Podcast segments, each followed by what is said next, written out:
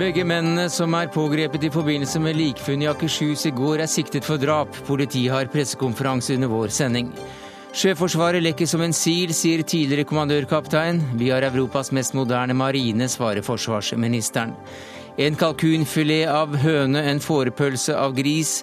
Forbrukerrådets rapport om matbløff gjør meg kvalm og søvnløs, sier kokken Andreas Viestad. Norwegians bruk av vikarbyråer for piloter er sosial dumping, mener Ap-politiker. Det er Norge som er problemet, ikke Norwegian, sier Trygve Hegnar. Og fri sex, men også fritt marked. Ungdomsopprøret i 68 var med på å skape høyrebølgen, ifølge ny bok. Hva sier Jo Benkow til det?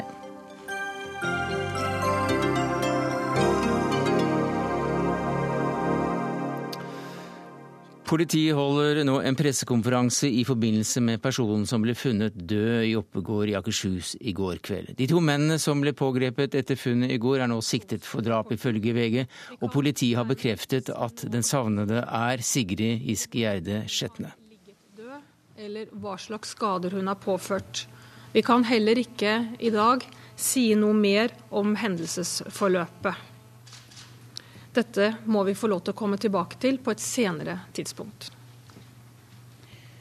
Nå i kveld så er det avhørene av de to siktede som er sentrale. De sitter nå i avhør her på politihuset. Det er eh, forsvarerne Jon Christian Elden og Åse Karin Sigmund som representerer de to. Eh, I den situasjonen vi står nå, så er vi altså i en avgjørende og en sentral fase på saken. Vi står i en drapssak, og det er en rekke oppgaver og gjøremål foran oss. Dette for at vi skal kunne sikre de riktige svarene til slutt. Vi vil nå i løpet av kvelden og utover kvelden og natta og morgendagen fortsette med en rekke etterforskningsskritt. Det er avhør, det er rundspørringer, det er diverse tekniske og taktiske undersøkelser som nå pågår. Eh, vi har en rekke oppgaver foran oss. I saken til nå, fra siden Sigrid ble borte, så har det vært veldig viktig for politiet å ha en tett og god dialog med familien. Det har vi også hatt nå, siden vi aksjonerte. Det har en særlig høy prioritet for politiet at vi har den gode dialogen underveis, slik at de er sikret informasjon fra oss. Det har de også hatt i, siden i går kveld og gjennom natta. Vi kommer ikke nå til å si så mye mer i forhold til hva som skjer, men kommer tilbake med en pressekonferanse i morgen. Der vil vi også åpne opp for spørsmål, og vi vil også eh, gi enkeltintervjuer. Ja. ja. Skal vi reise oss over? Vi hørte Grete Lid Metlid, Mettlid, leder for voldsavsnittet ved Oslo politidistrikt. Og vi kommer tilbake til pressekonferansen litt senere i sendingen.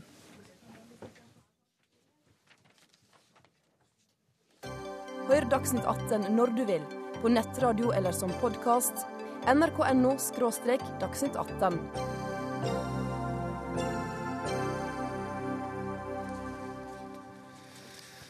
Det står ikke så bra til med det norske sjøforsvaret, ifølge både eksperter, tidligere eh, høye offiserer og mediene.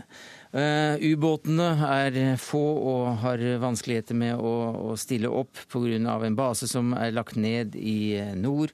Og i sør så lekker Forsvarets uh, militære styrke til sjøs som en sil, skriver du, Kjell Dragenes, utenriksredaktør i Aftenposten. Hva mener du med det?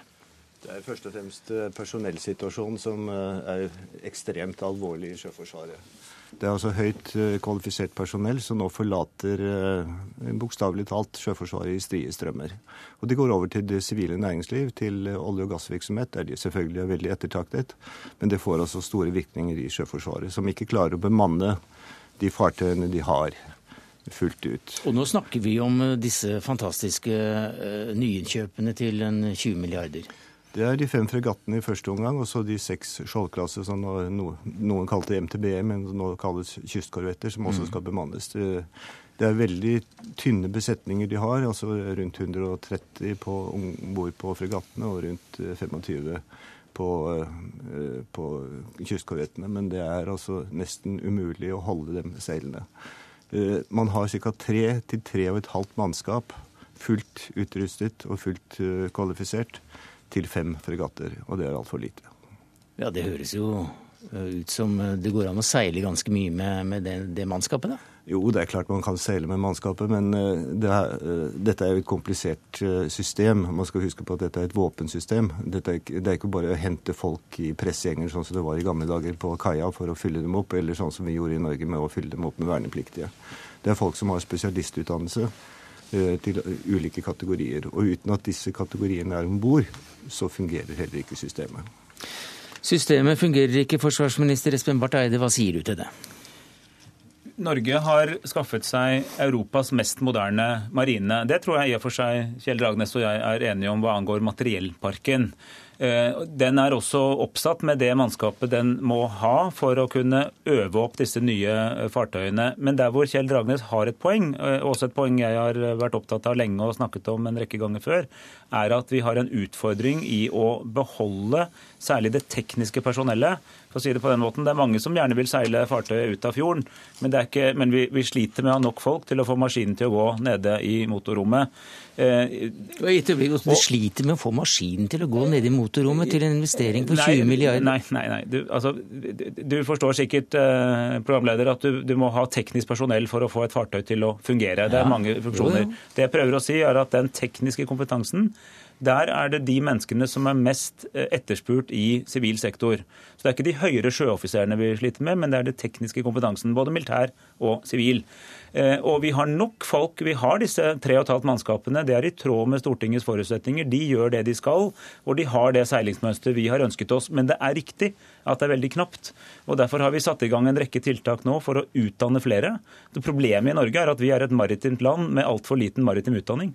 Eh, vi er nødt til å ta noen store grep, utdanne folk både til norsk shipping, sivilshipping, til sjøforsvar og til olje og gass. For sånn som det er nå, så tar de, fordi det er bonanza i olje og gass, så stjeler de mye av den tekniske mm. kompetansen. Eh, vi har for mange samfunnsvitere sånn som meg, og for få ingeniører her i landet. Det er et reelt problem som også rammer sjøforsvar. Men det er jo ikke, dette er jo med skam å melde ikke noe nytt. Eh, dette har man visst i alle år. Fridtjof Nansen, den første fregatten i denne klassen, ble seilt inn Oslofjorden i juni 2000. 2006. Da var jeg selv om bord. Det er et fantastisk flott fartøy. Men uh, før det, og hele tiden etterpå, når man har bygd de nye og, og, fått dem inn i strukturen, så har man jo ikke utdannet folk nok.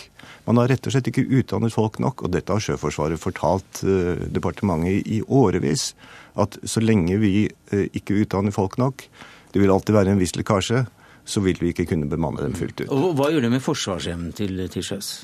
Jeg syns jo at eh, forsvarsevnen selvfølgelig blir svekket. fordi at eh, selv om eh, forsvarsministeren kanskje mener at man ikke alltid bør ha militære fartøyer oppe i våre viktigste strategiske områder, så bør man jo av og til seile for å vise en eventuell motstander, eller vise at man tar sitt mm. ansvar alvorlig i disse områdene. Forsvarsevnen er svekket. Men jeg tror det skal skille mellom det Dragnes og jeg er enig i, og det vi er uenig i. Når det gjelder om vi er til stede i våre havområder, så er vi det med Kystvakten. De seiler 24 timer i døgnet, 365 mm.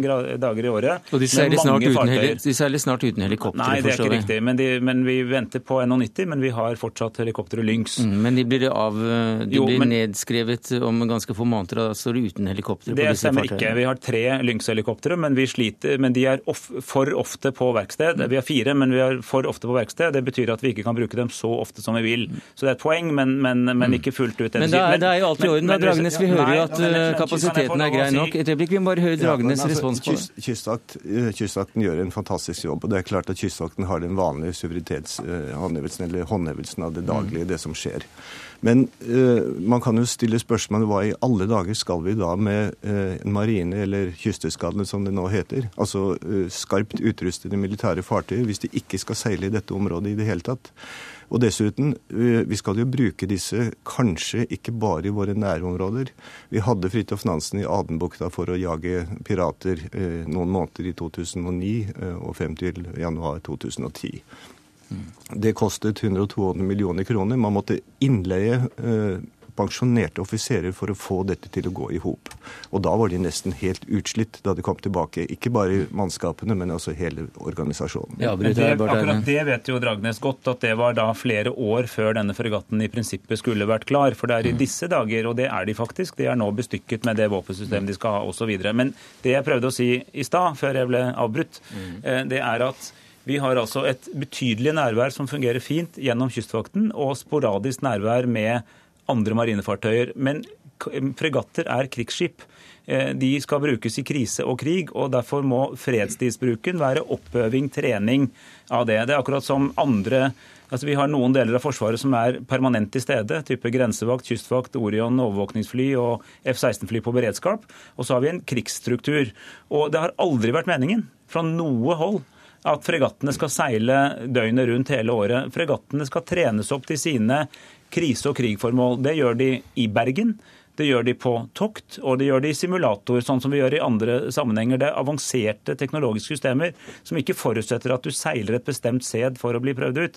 Og det, selv om jeg er enig i at vi har en betydelig utfordring mot teknisk personell, så kan jeg også slå fast helt konkret at vi seiler de døgnene som er forutsatt. Vi har de tre og et halvt mm. mannskapene som Stortinget ja. forutsatte. Men, men, men, la meg stille spørsmål på på en annen måte. Du sier at vi har betydelige utfordringer. Hvor betydelige er de utfordringene? Hvor alvorlig er dette? For når du sier utfordringer, så tenker alle andre problemer. Vel, vi har altså som sagt vi har tre og et halvt mannskap til fregattene. Det er i tråd med det Stortinget Til hvor mange fregatter? Til fem fregatter, mm. hvorav Mens du egentlig skal ha to nei, mannskaper per fregatt nei, hvis, den skal, skal drift, skal hvis den skal holdes i drift hele tiden? Kystvakten har to mannskaper fordi de skal holdes i drift hele tiden. Mm. Det er ingen som har ment, verken forsvarssjef, generalinspektør for Sjøforsvaret eller noen andre, fordi du nettopp ikke bruker disse hele tiden. Blir det krig i morgen, så kan vi faktisk seile fire, fordi at det mannskapet som trener opp de andre, vil da også kunne seile. Nå har jeg ingen grunn til å tro at det blir krig i morgen. Men altså de store utfordringene du, du nevnte? De utfordringene jeg snakker om, er at de mannskapene er tynne, i den forstand at veldig spesialiserte mannskaper er det to-tre av på den enkelte fregatt. Eh, hvis en er syk og en er på ferie, så har du, en, har du et problem. Og Derfor har vi nå i de siste tre-fire årene økt utdanningen kraftig på militærside, Sjøkrigsskolen, tekniske skoler. Og vi har innledet et samarbeid med bl.a. Bergen eh, eh, maritime skole for å utdanne folk gjennom mm. sivile kanaler. Og vi har en rekke tiltak allerede på plass for å få utdannet flere mennesker. Det går bra, men mm. det tar jo år å utdanne teknisk personell, så vi har et etterslep som vi sliter med. Og som, og som vi hører da Dragenes påpeker at det er blitt fortalt i år etter år etter år etter år. Ja, I hvert fall siden 2008-2009 har vi altså fått opp utdanningen eh, kraftig, eh, men det er fortsatt et etterslep. Men eh, Siden det tar flere år, altså på eh, Sjøkrigsskolen tar det ca. tre år å utdanne en bachelor eh, i den utdannelsen. Eh, og når man vet at eh, gjennomsnittsalderen for de som slutter i Sjøforsvaret nå er 27,7 år, altså dvs. Si omtrent eh, de tre årene de må ha som plikttjeneste etter endt utdannelse, så slutter de med en gang. Og dette har man jo visst hele tiden. Man har ikke bare visst det siden 2008. Man har, som sagt, Fridtjof Nansen kom inn i 2006. Og man visste jo allerede den gangen at man var nødt til å bemanne mm. disse. Det er riktig. Men, det er, det, no, ja. Du er sikkert interessert nå, vi er enige òg. I 2006 burde det vært flere mannskaper utdannet i Fridtjof Nansen. Det er Kjell Dragnes og jeg enige om. Eh, etter hvert i løpet av perioden etterpå har vi økt utdanningen, og det er altså gamle synder som vi sliter for nå. Hovedproblemet er at det går så svingende bra i norsk maritim sektor at mm. man støvsuger markedet etter de ja. menneskene vi utdanner. Det er bakgrunnen. Den beste, den beste, utdanningen du kan få på dette feltet, får du i Forsvaret. Og dermed skal du tjene en million mer, og så tjener du mer i, i olja, mm. og det må vi løse med å utdanne flere. Ja, for i Bakteppet her er jo at vi har et areal som er sju ganger større enn Fastlands-Norge å ta vare på. Det er verdens rikeste fiskeri, for ikke å snakke om olje, gass og de sikkerhetspolitiske hensynene å ta, og som skal eh, passes på. Og Kystvakten sliter altså, som du også sier, med sine helikoptre helikoptre. Eh, fregatter og korvetter til 20 milliarder eh, sies det her, at, eh, som du er enig har store utfordringer på bemanningssiden. Og ubåtene har mistet basen i nord. Og det siste her, det er du opptatt av som tidligere kommand, nå må jeg bare meg litt ned der. Kommandørkaptein eh, Hans Christian Schjelderup. Du var kommandørkaptein i Sjøforsvaret til eh, ganske nylig. Nå er du pensjonist, og nå sier du akkurat hva du mener om at denne basen i, i Tromsø er lagt ned. Hva, hva mener du? Ja, For å ta det først, så var jo Olavsvern spesielt etablert for undervannsbåter og MTB-er. Eh, på, da vi fikk eh, Ula-klassen på begynnelsen av 90-tallet, så ble basen oppgradert for, på Natos regning for 360 eh, millioner. og I tillegg så bygget man en helt ny innkvartering og baseforlegning for de mannskapene som kom på besøk, for Forsvarets regning. Eh, dette som ble det som skjedde i 2007, med at man da så på FS, eh, altså Forsvarets utvikling videre fremover, eh, kom jo som en overraskelse på oss at Forsvarsdepartementet foreslo nedleggelse av denne basen, med den begrunnelse at det var ikke kapasitet eller fasiliteter ved denne basen som var interessante for den fremtidige marinen. Og Vi har altså da fremdeles undervannsbåter, og basen var tilpasset og modernisert for Ula-klassen for mange år fremover. Det vi har mistet, det er et reparasjonsverksted, det er dokksettingsmuligheter og det er ladekapasitet for ubåtene. Og Hva gir det av eventuelt eh, svekket virksomhet for ubåtene i nord? Jo, altså Ved eh, operasjoner ved undervannsbåter så må de hver femte, sjette, syvende uke gå til land for å drive vedlikehold og eh, oppgradere systemene om bord, og samtidig lade batteriene. Veldig ofte så er det også at man kanskje må foreta mindre reparasjoner under vann, og da må båten dokksettes. Og, nå, og Før så kunne de, de da eh, gjort dette her i, i Troms, nå må de til nå må de til konsernet. I Bergen. I Bergen. Og Hva slags eh, tid, tap av tid får man da? Ja, altså Det tar en transitt fra Nord-Norge ned til Bergen tar en fire døgn, så da ryker det en uke med en gang. Så går det kanskje 14 dager i vedlikehold, og så er det en uke opp. Så effektivt sett så er de en uke vekke mm. fra området. Og når man også vet at vi har få båter å operere med for tiden pga. modernisering av eh, hele ubåtflåten, så sier det seg selv at eh, antall skrog som marinen kan operere operere i nordområdene er begrenset. Er dette en villet politikk, partiet? Det som er en villet politikk, og som vi så sent som i dag har fått eh, massiv skryt for på et seminar Forsvaret forskningsinstitutt eh, arrangerte, det er at i Norge har vi turt å ta en rekke valg som en rekke Nato-land står overfor nå. Vi har konsentrert basestrukturen på færre steder.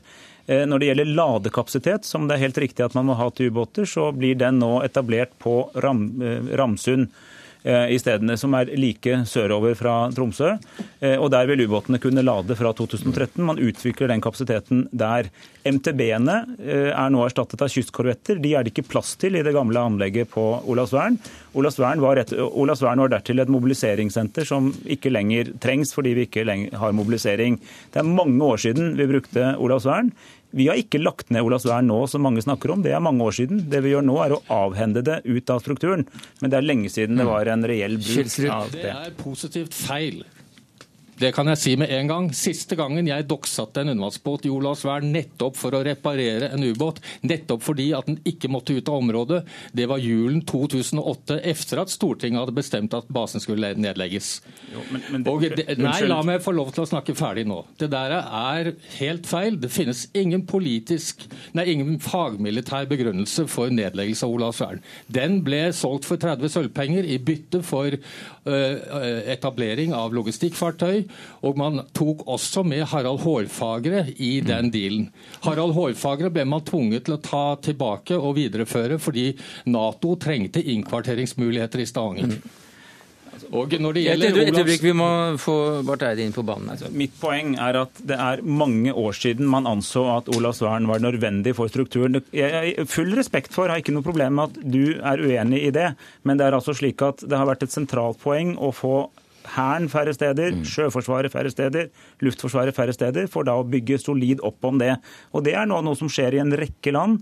Vi har rett og slett vært litt tidlig ute med å ta de valgene. Men så sier jeg jo at ladekapasitet, det trengs. Mm. Den blir altså ikke flyttet til Bergen, men til Ramsund. Men vil du, vil du si at det er en styrke av Sjøforsvaret uh, å la ubåtene måtte gå helt til Håkonsvern for viktige uh, reparasjoner, istedenfor at det gjøres i Troms? Ja, nå skal altså Noe av det skje på Ramsund, som mm. er langt men, det, men langt fra alt. Men, men, men, det er rasjonelt å ha et hovedmiljø for tungt vedlikehold. og Det bygger vi for fregatter, for kystkorvetter og mm. undervannsbåter i Håkonsvern, som både er og var hovedbasen for Sjøforsvaret i Norge. Det er fornuftig, det er god økonomi, og det betyr at vi kan bruke mer penger på å seile mm. og mindre penger på å drifte og varme opp og fornye anlegg. Kjelstrup, jeg beklager, dette her kan vi sikkert ta opp inn en annen gang, da vi kan dykke helt ned til 200 meter i denne saken her. Men akkurat nå så har jeg bare lyst til å høre med deg til slutt. Hvor mange ubåter er helt operative og i nord til enhver tid med, med denne nedleggelsen?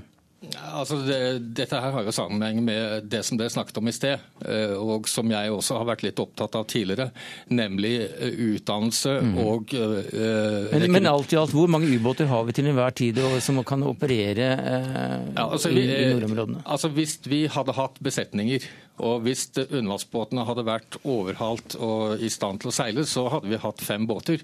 Men det er bare uh, tre av de som til enhver tid kunne være operative, hadde vi hatt mannskaper nok. Men det har vi heller ikke. Milliarder av kroner som akkurat nå brukes til å oppgradere undervannsbåtene i stor skala for at de skal være med oss i 10-15 år til. Hans Christian Schjelderup, pensjonert kommandørkaptein, jeg må nesten avslutte her. Takk skal du ha for at du var med oss eh, fra Bergen. Kjell Ragenes, utenriksredaktør i Aftenposten takk til deg, Espen Barth Eide, forsvarsminister.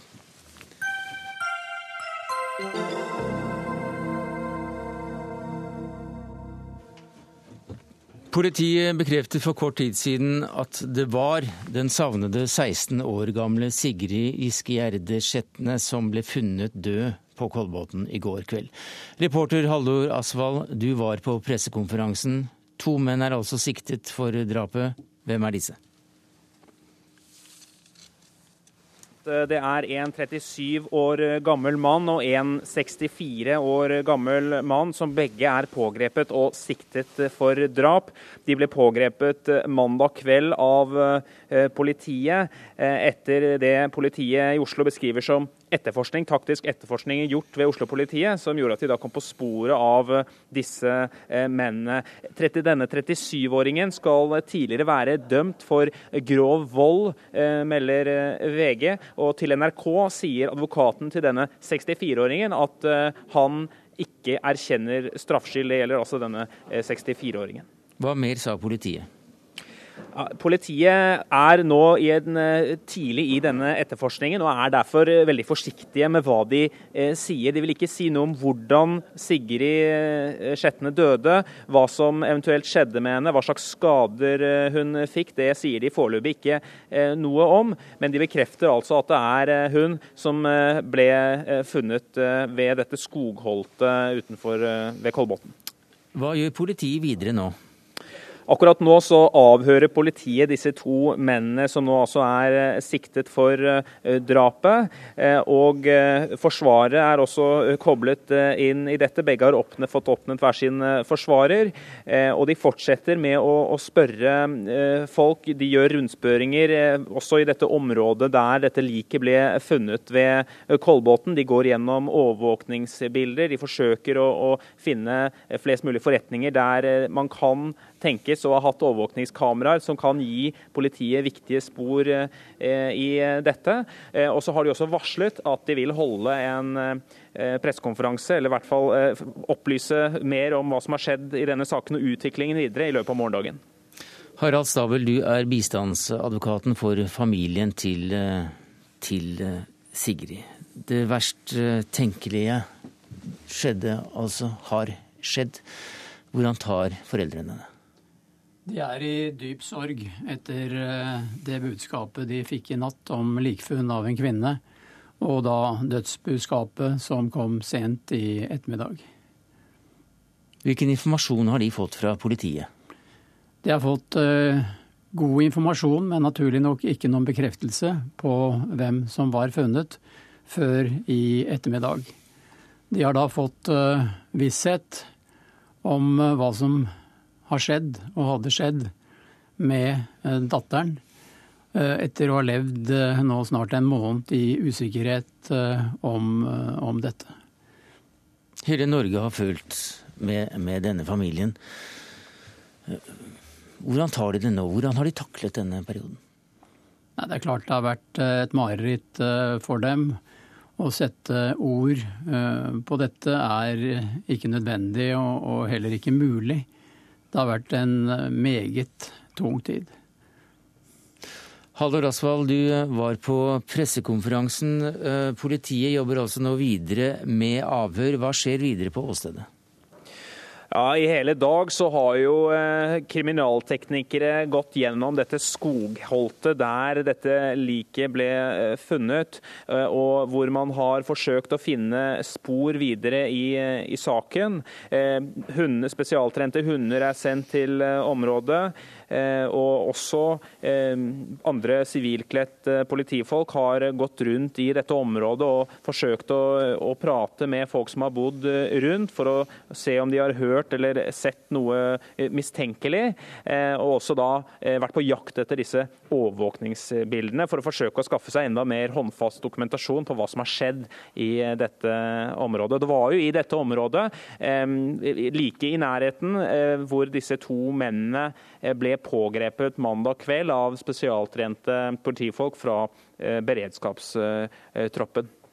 Takk skal du ha, Haldor Asvald, reporter på pressekonferansen, og til deg, Harald Stabel, advokat for familien til Sigrid.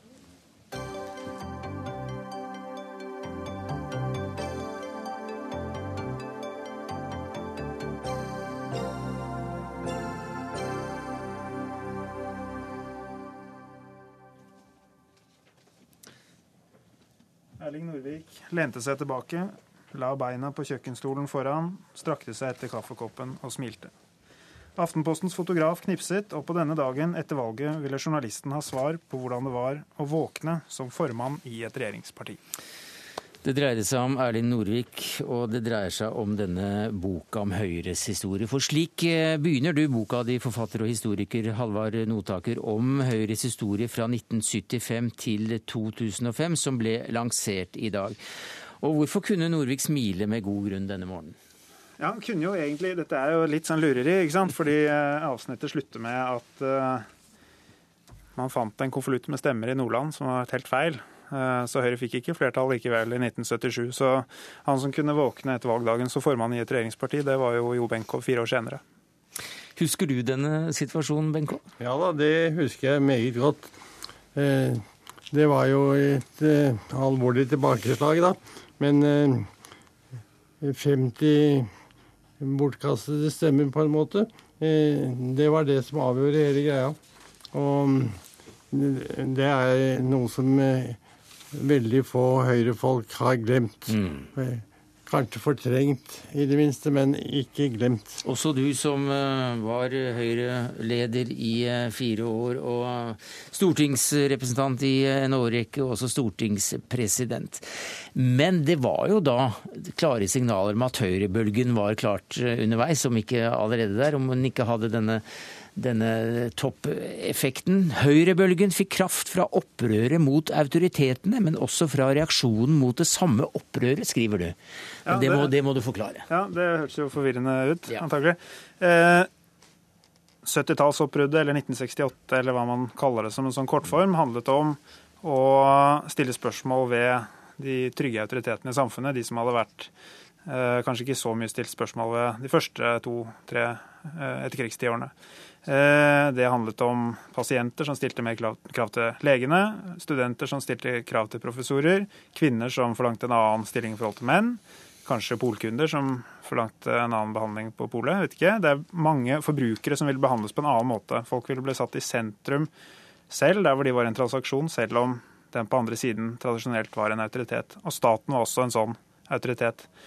Så eh, opprøret mot, eh, et Først, opprør mot eh, autoritetene smittet over til, som et opprør mot Først mot pappa, så mot pappas stat, har noen ja. andre enn meg sagt. Jeg har ikke funnet på alt dette helt selv. Det er, det er, på en måte, det er kjernen for meg i høyrebølgen. De viktige sakene som ble viktige for Høyre. Boligpolitikken, etter hvert kringkastingspolitikken. Det handler om hvilken legitimitet staten har til å regulere livene våre.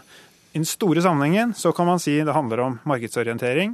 I elitene, i byråkratiet og i uh, akademiske miljøer så handler det om økonomisk teori og sånn. Men for folk flest så så handler det om hvor, hvor kan jeg flytte? Kan Mm. jeg flytte fra borettslaget til enebolig? Hva er det på TV? Det er, det er sånn vi lever livene våre, og det tror jeg er mye viktigere. Så det er, en, det er en rød tråd, så å si, eller kanskje ingen tråd, som avkledd 68 med, med, med krav på fri sex, eller i hvert fall eh, ble det sett på sånn, så er det en tråd inn til høyrebølgen som var med å dytte høyrebølgen enda høyere. Ja, det, det paradoksale er jo da at de som da kledde av seg for mye eller for lite, eller gjerne for mye, da, de, de ga jo da også opphav til en reaksjon mot dette oppbruddet blant mennesker som syntes at det gikk for vidt, at normene forvitret, at samfunnet var en slags oppløsning. Og de var, ble også en del av høyrebølgen, særlig da i kriminalpolitikken og i skolepolitikken. Så, så, Og- så høyrebølgen, eller 68-opprøret, hjalp høyrebølgen fram på to måter? Minst to. Og i tillegg dette jeg snakker om, som er den tradisjonelle forståelsesmåten. Nyliberal ideologi, Ja. sånne ting. Men det mener jeg det er et elitefenomen. Det er mye mindre viktig for, som en sånn sosial stor strømning i samfunnet vårt. Det hadde Eh, dere ikke, dere hadde ikke trodd eh, der dere satt i Høyres hus i 1968 og så hippene valse forbi, at, eh, at de skulle danne grobunn for en ny høyrebølge? Nei, egentlig ikke, men du vet, alt eh, har en forhistorie, og alt har en sammenheng. Eh, det er liksom ikke eh, et kutt i historisk eh, utvikling. Så for så vidt så kom høyrebølgen med jevne mellomrom, med tilbakeslag og alt vi kan ergre oss over, vi som ledet Høyre. Så mm, var det vel slik at det, det ikke akkurat eh, gikk på skinner alt sammen. Vi hadde alvorlige tilbakefall og dårlige meningsmålinger. Så det, det var noe av hvert. Vi, vi har prøvd det meste. Men jeg velger meg Høyre. Jeg velger meg Høyre fordi det er det partiet som best sikrer meg retten til å være annerledes, er et sitat signert Jo Benkow. Ja, det er helt korrekt. Og det er i grunnen har sammenheng med at eh, min egen minoritetsbakgrunn Jeg er jo født av jødiske foreldre, og eh, det var uhyre tiltalende for meg at eh, det fantes et parti som liksom hevet seg over eh, dette likhetsfenomenet. Eh, ikke det at eh, jeg forakter alt som eh, lukter av likhet, men det er, for meg er det like rett som er det betydelige, ikke at alt skal være likt. Og eh, som sagt eh, eh, det, var, det var avgjørende for mitt, mitt verdivalg, for eh, eh, jeg fant ut at eh, det var i grunnen et uttrykk for en form for toleranse som tiltalte meg. Og det, det passet eh, eh, det passet mitt, min legning. Nei, for uh, i disse årene som nå uh, er kommet i bokform, altså 75 til, uh, 75 til 2005 Du var jo med i store deler av den perioden som aktiv politiker. Ja. Hvordan syns du Høyre utviklet seg ut ifra fra, fra dine kjerneverdier som toleranse og verdikonservatisme? Ja, altså Hvis jeg skal være litt eh, Prøve meg på litt vennligsinnet kritikk av din bok, og det er til de grader vennligsinnet, for eh, boken gir et overbevisende eh, bilde av hvordan Høyre utviklet seg, så er det jo det at det, jeg syns du kanskje har skrevet litt lite om den sosiale dimensjonen.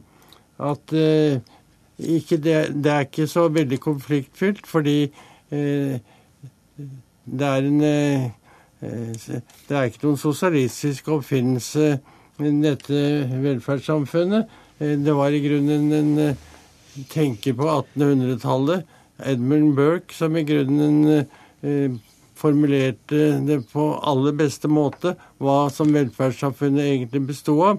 Så det er i grunnen en, en felles europeisk arv. Mm. Men jeg skal ville innrømme at Arbeiderpartiet har gitt betydelige bidrag til utviklingen den- av dette samfunnet. Og den slags har det vært uh, titalls debatter av i Dagsnytt 18 om hvem som Ja. skal ha æren for den. Men hva sier du til denne smule velvillige kritikken? Uh, Jeg har uh, stor respekt for både Jo Benkow og og de som er med, som har laget den politikken som jeg har skrevet om. Det er Noe av det jeg føler jeg har lært mens jeg har holdt på med dette, er at vi må, vi må, huske på at dette er mennesker som gjør dette av god vilje. Jeg tenker at det sosiale for meg Jeg har måttet velge temaer, og en av hovedlinjene jeg har valgt å skrive om, er økonomisk politikk. og det er klart at det sosialpolitiske ofte i fortellinger om Høyre kommer nettopp innenfor en sånn økonomisk sammenheng. og da, da, har jeg skrevet en del om hvordan Høyre, fra, særlig fra 1993, da de kom med et eh, partiprogram som, som, var nok så, som tok til orde for en ganske brå omlegging av hvordan velferd produseres i samfunnet. Mm. Der skriver jeg en del om, om, Høyres syn på hvordan velferden skal bli til. Men det er riktig at, eh, at jeg da har eh, i perioden foran så har jeg da mindre om hvordan Høyre så på dette. og Det er nok litt fordi at den tiden var preget av mye mer sånn stykkevis inkrementalistisk, hvis man kan være litt er mer eller mindre i budsjettpostene osv. Du, eh, det er få som har fått lest igjennom hele, for den blir jo lansert i dag. Men skriver du noe særlig om det som eh, var en eh, påstått konflikt mellom Jo Benkow og, og statsminister Willoch? Jeg har det med, for det er jo en viktig episode for ja. mange. Og, og, jeg har etter beste evne kartlagt det som finnes, og forsøkt å lage en sammenhengende fortelling. Var det en sterk konflikt? Eh, jeg i min bok skriver om det mest som en eh, konflikt innenfor en spenning i partiet mellom partiorganisasjonen og stortingsgruppen, hvor jeg mener at dette er Eh, betegnende for en del problemer Høyre slet med i regjering. Så det var, ikke, det var ikke, politikk, det var ikke politikk det sto om? Men det er jo på en måte politikk, for det er hvordan politikken Nei. blir til. Så du har fått stort, en stor folkebevegelse med, som da var Norges største parti eh, deler av den tiden, over 150 000 medlemmer. Eh, og Så kommer partiet i regjering, og så kommer liksom ikke disse medlemmene helt til orde. For det, sånn er det ikke når noen er i regjering. Da, da er det de regjering som styrer. Og da fikk partiformannen eh, til en viss grad unngjeld for det, mm. og, og det ble helt klart en konflikt. Ja, altså vi hadde noe ulike prioriteringer. Eh, eh, altså statsminister Kåre Willoch var en glimrende statsminister. Eh, det har aldri opplevd eh, maken, for så vidt. Og eh, Erling var en fantastisk kommunikator. Erling Norvik, ja. Han, som eh, kom etter deg og var før deg. Han var helt fenomenal mm. til å Han var en lyttepost for Kåre Willoch av sjelden kaliber. Eh, jeg var eh, veldig eh, mer jordnær. Jeg var veldig opptatt av menneskelige problemer. Jeg syns at den sosiale dimensjonen, også i din bok, er litt vel nedtonet. Mm. hvis du tillater at jeg Tillater serverer det. den. Ja. Og jeg tror nok at f.eks. de nye lederne i Høyre de har en betydelig større menneskelig forståelse og har en brennende interesse for sine medmennesker, hvilket er en forutsetning mm. for å lykkes som politiker. Eh, jeg sitter her med boka 'Høyres historie', 75-2005, 'Opprør og moderasjon'. Eh, det er et bilde av deg og en del andre høvdinger. Husker du, eh, Kan du huske når det det var ved valget i 81. Ja. Og det husker jeg godt, fordi jeg var jo partiformann. Og det hadde jeg vært eh, et års tid. Og jeg, jeg vil jo ikke påstå at æren tilfaller meg. Det ville være å gå altfor langt. Det gikk jo bra. Men eh, det var i hvert fall en dag at Norge slo England i fotball eh, tidligere på kvelden. Og så pinedød så, så så gikk høyt til topps også. Så det var en veldig god dag for en sportsidiot. Da får vi se på hva som blir stående som det viktigste i historien den dagen, om noen år den, når den eh, samlingen skal dras. Takk skal du ha, Jo Benkow, tidligere leder av Høyre, og til deg, Halvard Notaker, forfatter og historiker, og forfatter da av Høyres historie 1975 til 2005.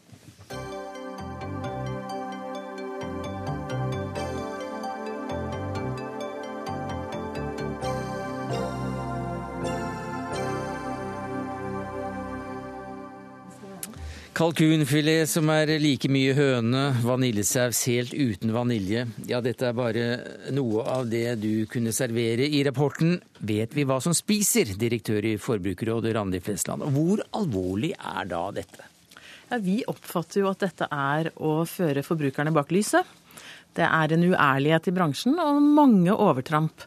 Så denne undersøkelsen den viste at villedende merking er i vesentlig større omfang, og stort sett i alle produktkategorier, verre enn vi hadde håpet på. Ja, uh, Fortell litt mer om, om, akkurat hva dere fant. Altså, jeg har nevnt kalkunfilet som er like mye høne. Ja. Hva er det for noe kalkun? Altså En filet er vel en filet? Altså et helt Ja. stykke kjøtt som er Sånn har, jeg, sånn har jeg også lært det, at en filet det er et rent kjøttstykke. Og da tenker jeg når det er noe som, et pålegg som heter naturell kalkunfilet, da er det denne fine fileten som er skåret opp i tynne skiver. Men når vi ser på det, så er det bare litt over halvparten som er kalkun, så er det 30% høne, og så er det diverse ingredienser i tillegg. Så det er en mutasjon, eller er det et blandingsprodukt? Det er et blandingsprodukt, og det fremstår som det er et rent produkt. Og den type luring av forbrukerne mener vi det må gjøres noe med. Og det er klart at det er bransjen selv som har hovedansvaret her og må rydde opp. Den gode gamle fårepølsa? Ja, den gode gamle. Og så hadde vi noe som het lammepølse her, Mhm. som het ekte lammepølse med 34% lam. Så tenker jeg, kan godt hende at eh, med 34% lam er veldig godt, men da er det ikke ekte lammepølse, da er det en kjøttpølse med lam. Så Og så sier man vaniljesaus uten vanilje, mandelpudding uten mandel. Ja, det er sikkert bra for allergikere, men det er å lure eh, forbrukeren. Hva sier du til det, Gaute Lenvik, som administrerende direktør i NHO Mat og Landbruk? Du får uttale deg for produsentene. Jeg kan uttale meg for produsentene. og um, bare for å si det først, så, så Det Forbrukerrådet her uh, finner fram gjennom sin undersøkelse, det belyser et viktig punkt. Det er opplagt at vi som industri og vi som næring er helt, uh, det er helt avgjørende for oss å ha tillit til norske forbrukere. Har vi tillit til norske matvarer når det står kalkunfilet, og så er halvparten ja. Og i forhold til det så må vi si at, at det er jo ikke her snakk om uærlighet i bransjen, som Randi Flesland du, sier. når, du, når du kjøper en kalkunfilet, så tror du vel at det er en kalkunfilet? Ja, akkurat, Men det er det ikke. Nei, skal, Nå vil jeg ikke gå inn og diskutere enkeltprodukter som de viser på, for her kan det være ulike eh, ting. Men eh, når det kommer på eh, det med kalkunfileten, Mhm. så har Nortura sagt at det er et, en, en sak som de vil se nærmere på nå, med utgangspunkt i det funnet som Forbrukerrådet har gjort. Men hva syns du da om at på et generelt grunnlag da, at eh, matvarer som selges eh, som et produkt, som inneholder et produkt, inneholder eh, av og til alt annet enn akkurat det produktet, f.eks. vanilje? Hvis du kan, det er en rekke produkter som er Alle produkter stort sett er sammensatt av en rekke ulike ingredienser. Jo, men Hvis det ikke Hvis vi- inneholder den ingrediensen som dere reklamerer for i det hele tatt, hva syns du om det? Ja, hvis, Generelt? Ja, generelt sett så skal jo forbrukeren ha en oppfatning om produktet, og forbrukeren skal ha, eh, få det ved forbrukeren eh, Mm. antar han kjøper. Men det vil jo hele tida være en spørsmål om hvor mye. Altså, leverpostei, opplagt, inneholder leverpostei. Men hvis det bare inneholdt leverpostei, så vil ikke forbrukeren ønske å spise det. Altså, dette vil jo bestandig være gråsoner, Mm. og fra produkt til produkt, alt ettersom eh, hvordan innholdet er. Pluss at dette har jo en gammel tradisjon. altså Generasjoner av kuer selges jo som okser med en gang det er slakt. Ja, gjør, det, Okse, den, altså- gjør det saken bedre at man har gjort urett i mange generasjoner? Det gjør ikke saken riktig for det. Altså Sprengt oksebryst het jo dagros. Før død. Ja. Ja. Vi skal ikke helt undervurdere, undervurdere forbrukerne, for det vi snakker om er jo ikke begreper som er akseptert i dagligvaren. Det er når man bruker andre begreper enn det man faktisk ser. Mm. Altså skjønnmaler produktet, enten gjennom emballasjen med bilder, med ord som at det er hjemmelaget, og det er bestemors tradisjon og den slags, og så da selve varebetegnelsen, altså navnet på produktet. Og summen av det, det er jo en form for ja, en markedsføring for å få solgt mer av det produktet. Så det handler om inntjening til virksomheten. Hvem burde, er- hvem burde sett nærmere på dette? her? Hvem har ansvaret for å holde oppsyn her? Ja, Det er helt klart at Mattilsynet har jo en særrolle i dette. For det er jo de som hånd, håndhever regelverket. Og jeg vet at Mattilsynet er opptatt av ingredienslisten, det er vi òg. Men jeg går ikke med lupe i butikken for å lese alle de små ingrediensene på hvert eneste produkt jeg tar. Jeg vil gjerne kunne se på et produkt og så forstå hva det er jeg kjøper. Og så kan jeg velge om jeg ønsker ekte 100 ren vare eller et blandingsprodukt. Og det kan godt hende jeg velger blandingsproduktet, men jeg skal vite at det er det jeg velger. Atle Wold, det er du som seksjonsansvarlig i seksjon for omsetning til forbruker i Mattilsynet som burde sett nærmere på dette her. Hva er det dere har gjort? Nei, For første så vil jeg gi all ros til Forbrukerrådet, som har satt fokus på en viktig del i forbindelse med markedsføring og merking av matvarer. Men dere kunne kanskje sett på det selv også, sånn at dere hadde luket ut dette her, for det er vel ditt ansvar? Men dette er et valg i forhold til prioriterte oppgaver, og Mattilsynet har fokus på trygg mat, altså helsemessige forhold. Og i lys av det så er også merking sammensetning av mat et viktig fokus for oss. Men Forbrukerrådet setter jo først og fremst fokus på hvordan matvarer markedsføres, og at det ikke alltid er sammenheng mellom varenavnet, varebetegnelsen, og det det faktisk Men, men hva syns Mattilsynet om at kalkunfilet er full av høne? Ja, Nå skal jeg ikke saksbehandle denne type saker her. for å åpne Men hva, mikrofon. hva, hva syns dere om den type Men- saker? Ja, Bransjen har skapt seg et problem. Vi har utvannet bokstavelig talt en del godt innarbeida begreper eh, som skinke og fileter til å bli noe annet enn det det i utgangspunktet skulle være. Og det er å villede forbruker generelt, eh, som vi vil eh, se nærmere på. Villede forbruker? Jeg vet ikke om det er å villede forbruker. Altså, når du går og kjøper en kjøttpølse, noe som vi har gjort i de 40-50 siste åra, så har vi fått ei pølse som inneholder ca. 50% kjøtt.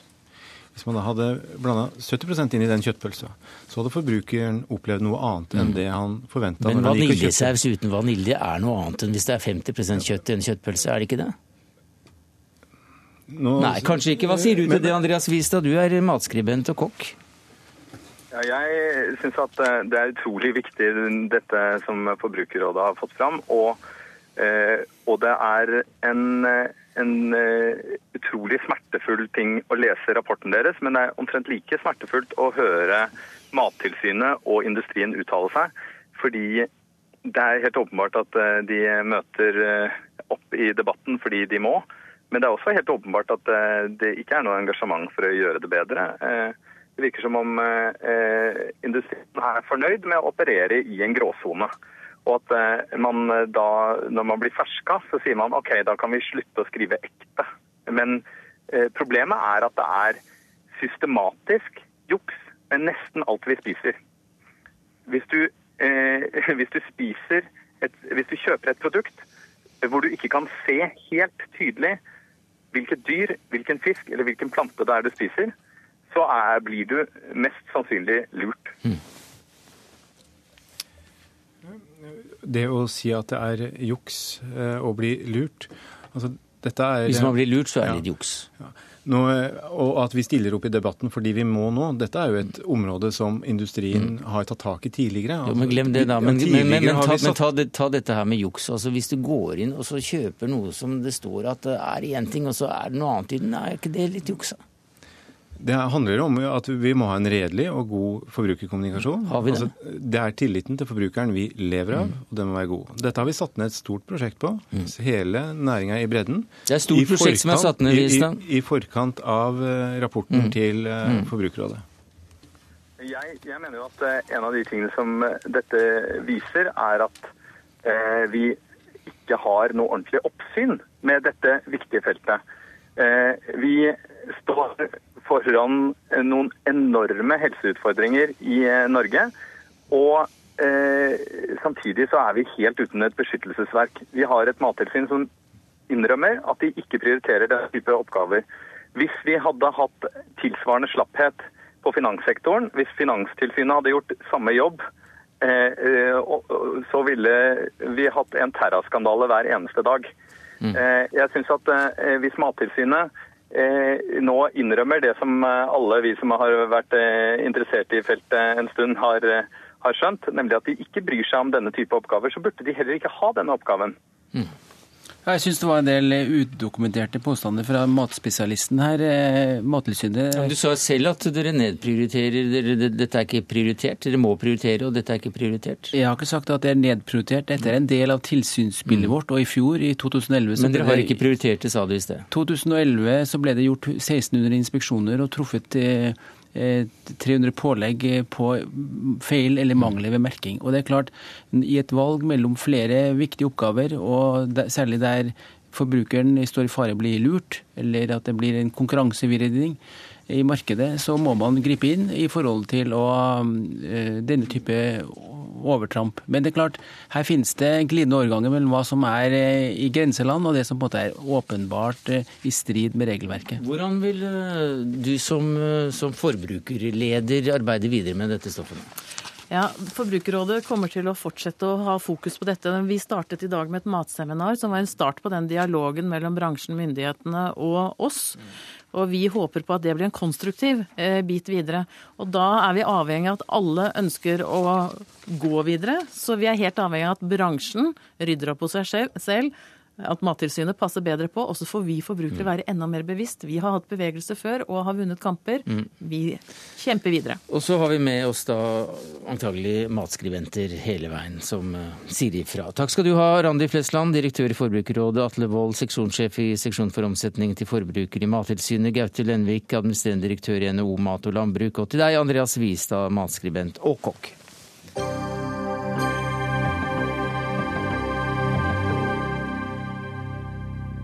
Sånn båt eller bil, marinegreier og Hva? Ja, det er mye rart i Dagsnytt 18. Og nå er det Trygve Egnar som kommer inn i studio for å snakke om, om noe som du er opptatt av, nemlig denne saken om, eh, om Norwegian, som altså kjøper piloter via eh, vikarbyråer. Og flyselskapet Norwegian leier som kjent inn piloter og kabinansatte fra utenlandske vikarbyråer, registrert i skatteparadiset som Isle of Man. Vikarene stasjoneres formelt f.eks. For på en base i Malaga, men jobber fra norske og skandinaviske flyplasser. Og før du får ordet, Hegnar, så må jeg nesten gi det til deg, Steinberg Gullvåg, for du er stortingsrepresentant for Arbeiderpartiet, og det var du som slo litt i bordet og sa fra hva du mente om dette her, og du kalte det også sosial dumping. Hva sikter du til da? Ja, vel, Det jeg først og fremst sa, er at uh, den virksomheten som uh, Norwegian nå legger opp til, er et brudd med EU-retten. Dette er jo grenseoverskridende arbeid. Og det er jo blitt sånn at vi trenger internasjonale regler for å regulere denne typen virksomhet. Og EU har altså to direktiver som regulerer denne virksomheten. Det ene er vikarbyrådirektivet, og det andre direktivet er, er det såkalte utstasjoneringsdirektivet, som ivaretar de ansattes rettigheter ved overføring av arbeid fra et land til et annet. Ja, har du ikke lest EU-reglene her, Anne Cecilie Skånvik? Du er kommunikasjonssjef i flyselskapet Norwegian. Jo, vi har lest EU-regler, og la meg få starte litt med hva dette dreier seg om. Fordi flybransjen er internasjonal. Vi konkurrerer med europeiske selskaper, og etter hvert også asiatiske selskaper. Noen av disse flyr også på Norge. Og vi er nødt til å posisjonere oss for denne konkurransen. Den globale konkurransen i flybransjen er ikke noe som norske politikere kan vedta seg bort ifra. Og så er det riktig at når vi etablerer nye baser nå i Spania, så starter vi opp med innleie, men med et klart siktemål om at vi skal kunne ansette hvis disse basene viser seg levedyktige. Og, og det er jo ikke tvil om at det, vi er et selskap. Vi har 277 nye fly i bestilling. Vi kommer til å skape tusenvis av nye arbeidsplasser i Skandinavia, utenfor Skandinavia hvis alt går etter planen. Mm, så alle disse arbeidsplassene, det, det, det hjelper vel litt grann, et øyeblikk, Steinar Gullvåg, med alle de nye arbeidsplassene, så sukrer vel det pillen? Altså, jeg syns jo at man skal følge de rettsprinsippene som, som gjelder for arbeidsretten i EU-området, som vi er en del av. Og da er det ikke tvil om at innleie av arbeidskraft det rammes av vikarbyrådirektivet. Og det, det, Norwegian nå legger opp til, er et brudd på disse rettsprinsippene. Det kan det umulig være særlig tvil om. Trygve Hegnar, du er ansvarlig redaktør for Finansavisen blant veldig mye annet. Og du tar en annen posisjon her, for du sier at det er Norge som er problemet, ikke Norwegian her. Ja, jeg mener jo faktisk at Norge er problemet. fordi at uh, Norge har jo et lønnsnivå som er høyere enn no i noe annet land. Kanskje 40-50 høyere enn i EU, og kanskje 20-30 høyere enn i Sverige, og kanskje et par hundre prosent høyere enn i land i Asia og andre steder. Og det er klart at det som skjer nå, og det er ikke noe å klage på det Norge er et høykostland, men det betyr også at alle de som ønsker å selge noe til Norge, enten det er varer eller tjenester, de vil jo etter hvert bli beskyldt for sosial dumping når disse varene kommer til Norge. Fordi de er produsert da med folk som tjener mindre enn vi nordmenn gjør. Det er bakgrunnen min. At det er et prinsipp at globalisert verden kommer vi ikke forbi. At Norge er blitt en øy som er høykostland. Og så vil alle andre forsøke å komme hit, og så vil da noen politikere og andre stille opp ved grensen og si nei, her får du ikke komme. For det er sosial dumping, for i Norge har vi andre vilkår. Det er, det er min bakgrunn for å si det at Norge er problemet. Mm. Og så er det flybransjen, flybransjen Et øyeblikk, du får ordet etterpå, ja. Gullvåg. Du sitter nede i Tønsberg. Men, men flybransjen er ganske, ganske, interessant. fordi at uh, Norwegian har jo da operert stort sett uh, ut fra Norge, og så har de fått flere og flere ruter. Nå kan man tenke seg det at man hadde et flyselskap som kom fra Bangkok til Oslo, og fra Oslo til Bangkok. Og de flyr med omtrent samme fly. Drivstoffet, drivstoffet, koster det samme.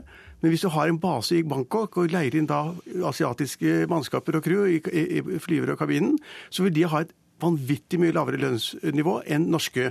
Og det er opplagt at Hvis du da har et flyselskap som Norwegian, så starter flyet sitt og går fra Oslo til Bangkok med norske lønninger. De vil bli utkonkurrert i løpet av én uke hvis man hadde et selskap som kom den andre veien. Og Da er mitt poeng at da ville jeg gjort som Norwegian gjør. Jeg ville opprette basen min i Bangkok eller i andre land. Gurvåg. Ja, Det er full anledning til å opprette baser i Bangkok og andre steder. Men dersom man skal opprette baser i Norden og eh, innenfor EU-området, så må man følge de regler som gjelder for arbeidslivet i disse landene. Og I dette tilfellet så er det altså ikke noe tvil om at utleie av, av eh, også piloter og cabinpersonale, som også er med i, denne, i, i betraktningen, eh, rammes av EUs eh, e fellesskapslovgivning, og det må man forholde seg til. Ja, altså Jeg har ikke noe problem med at man følger EU-lovgivning. Uh, og jeg, er ikke helt uh, ekspert på hvordan Norwegian gjør det, men at de de, de, det de søker, er jo på en måte å overleve. Og det er ikke slik at de har bestilt 272 fly, de har bestilt 372 fly. Eh, så de kommer til å bli en internasjonal operatør, akkurat som Norsk Shipping. Så flyr de med alle mulige mellom eh, byer og land utenfor Norge. Og, de, og for å kunne gjøre det, så må de ha, da, ha de andre landenes lønnsnivå og vilkår.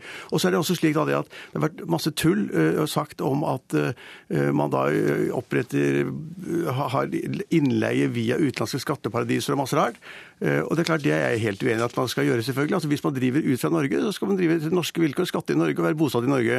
Men i det øyeblikk man beveger seg ut av landet og har baser i utlandet og blir ansatt enten man er vikar eller annet i andre land, så mener jeg at det åpner opp for det kommer de til å gjøre. Gullvåg? Ja, jeg jeg, jeg syns jo det at uh...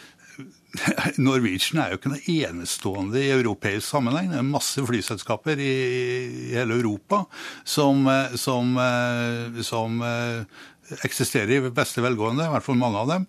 Det er selvfølgelig, Dette er lavprismarkedet. Eh, og jeg forstår at Norwegian ønsker å konkurrere med, med, i dette segmentet, eh, men eh, det er en forutsetning. Mm. At, de da, at, de følger, at, de da, følger de regler mm. og, og, og, retningslinjer som gjelder for uh, de ansatte i Europa. Det har vi forstått. Men det er jo altså nesten ingen flyselskaper som overlever. det er et under at Norwegian har overlevd. Og det er nesten et under at Ryanair, som er sånn lavprisselskap, også overlever og tjener penger. Og Siste gang jeg sto på tallene, så tapte de penger. SAS holder på å gå under, taper penger. Eh, nesten alle flyselskaper taper penger. Det er en knallhard tøff konkurranse. og jeg, Detaljene på hvilken by og hvilket land og når de kommer og hvor vikarene kommer fra, er litt eh, lite interessant. Det som er interessant, er at dette er en så globalisert bransje at skal vi ha operatører som Norwegian og SAS, som skal overleve i fremtiden, så vil de faktisk måtte kunne ta arbeidskraften der hvor den betales noe lavere enn i Norge. Noe de... lavere? Altså Her ja. er det snakk om eventuelt å men det er, helt, Ja, men det er helt kaos. for det er klart at Hvis du kan få en flyver om å betale 1 million i året i Norge, grovt sett, mm. og hvis en annen flyver tar til takke med 500 000 i et annet land, og du må ha liksom 1000 av dem, så skjønner man jo det at forskjellen er veldig stor. Og det er jo, Jeg brukte eksempler med Bangkok, det syns jeg er ganske godt. Flyselskapet kommer til å fly fra Bangkok på Norge. Norwegian har sagt at vi vil gjerne fly fra Oslo til Bangkok. Og det er klart at Den ruten som Norwegian vil opprette, kan ikke overleve hvis de ikke da har basene sine, folkene sine og alle ansatte i Bangkok. Men, hvis, men, men dette, gjelder, dette gjelder jo flytrafikk i Norge og Skandinavia og Norden.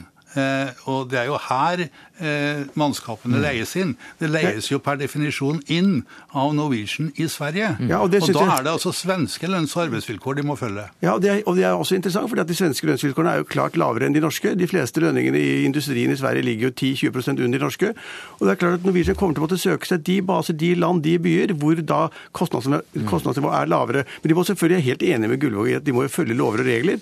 Eh, jeg vet ikke helt eksakt mm. hvor de har liksom tatt disse vikarfolkene fra. Mm. Men, men, men, men, dette er en globalisert bransje. Det er Norge som er problemet. Vi forsto det slik at arbeidsminister Bjurstrøm ikke kunne komme til denne debatten eh, i dag, men hun var også ute, etter å, ute og sa at man burde kanskje boikotte disse lavprisselskapene. Kort, hva sier du til det? Ja, Det er tåpelig, og det tror jeg kommer til å gå tilbake på. Man kan ikke boikotte de som prøver å drive effektivt og overleve. Det sa Trygve Hegnar her i studio, eier og ansvarlig redaktør i Finansavisen. Takk til deg, Tønsberg, Steinar Gullvåg, Gullvåg, stortingsrepresentant for Arbeiderpartiet, og til Anne Sissel Skånvik, kommunikasjonssjef i flyselskapet Norwegian. Det var, det vi rakk i Dagsnytt 18 i dag, takket være Dag Dørum, Hans Ole Hummelvold jeg heter Sverre Tom Radøy.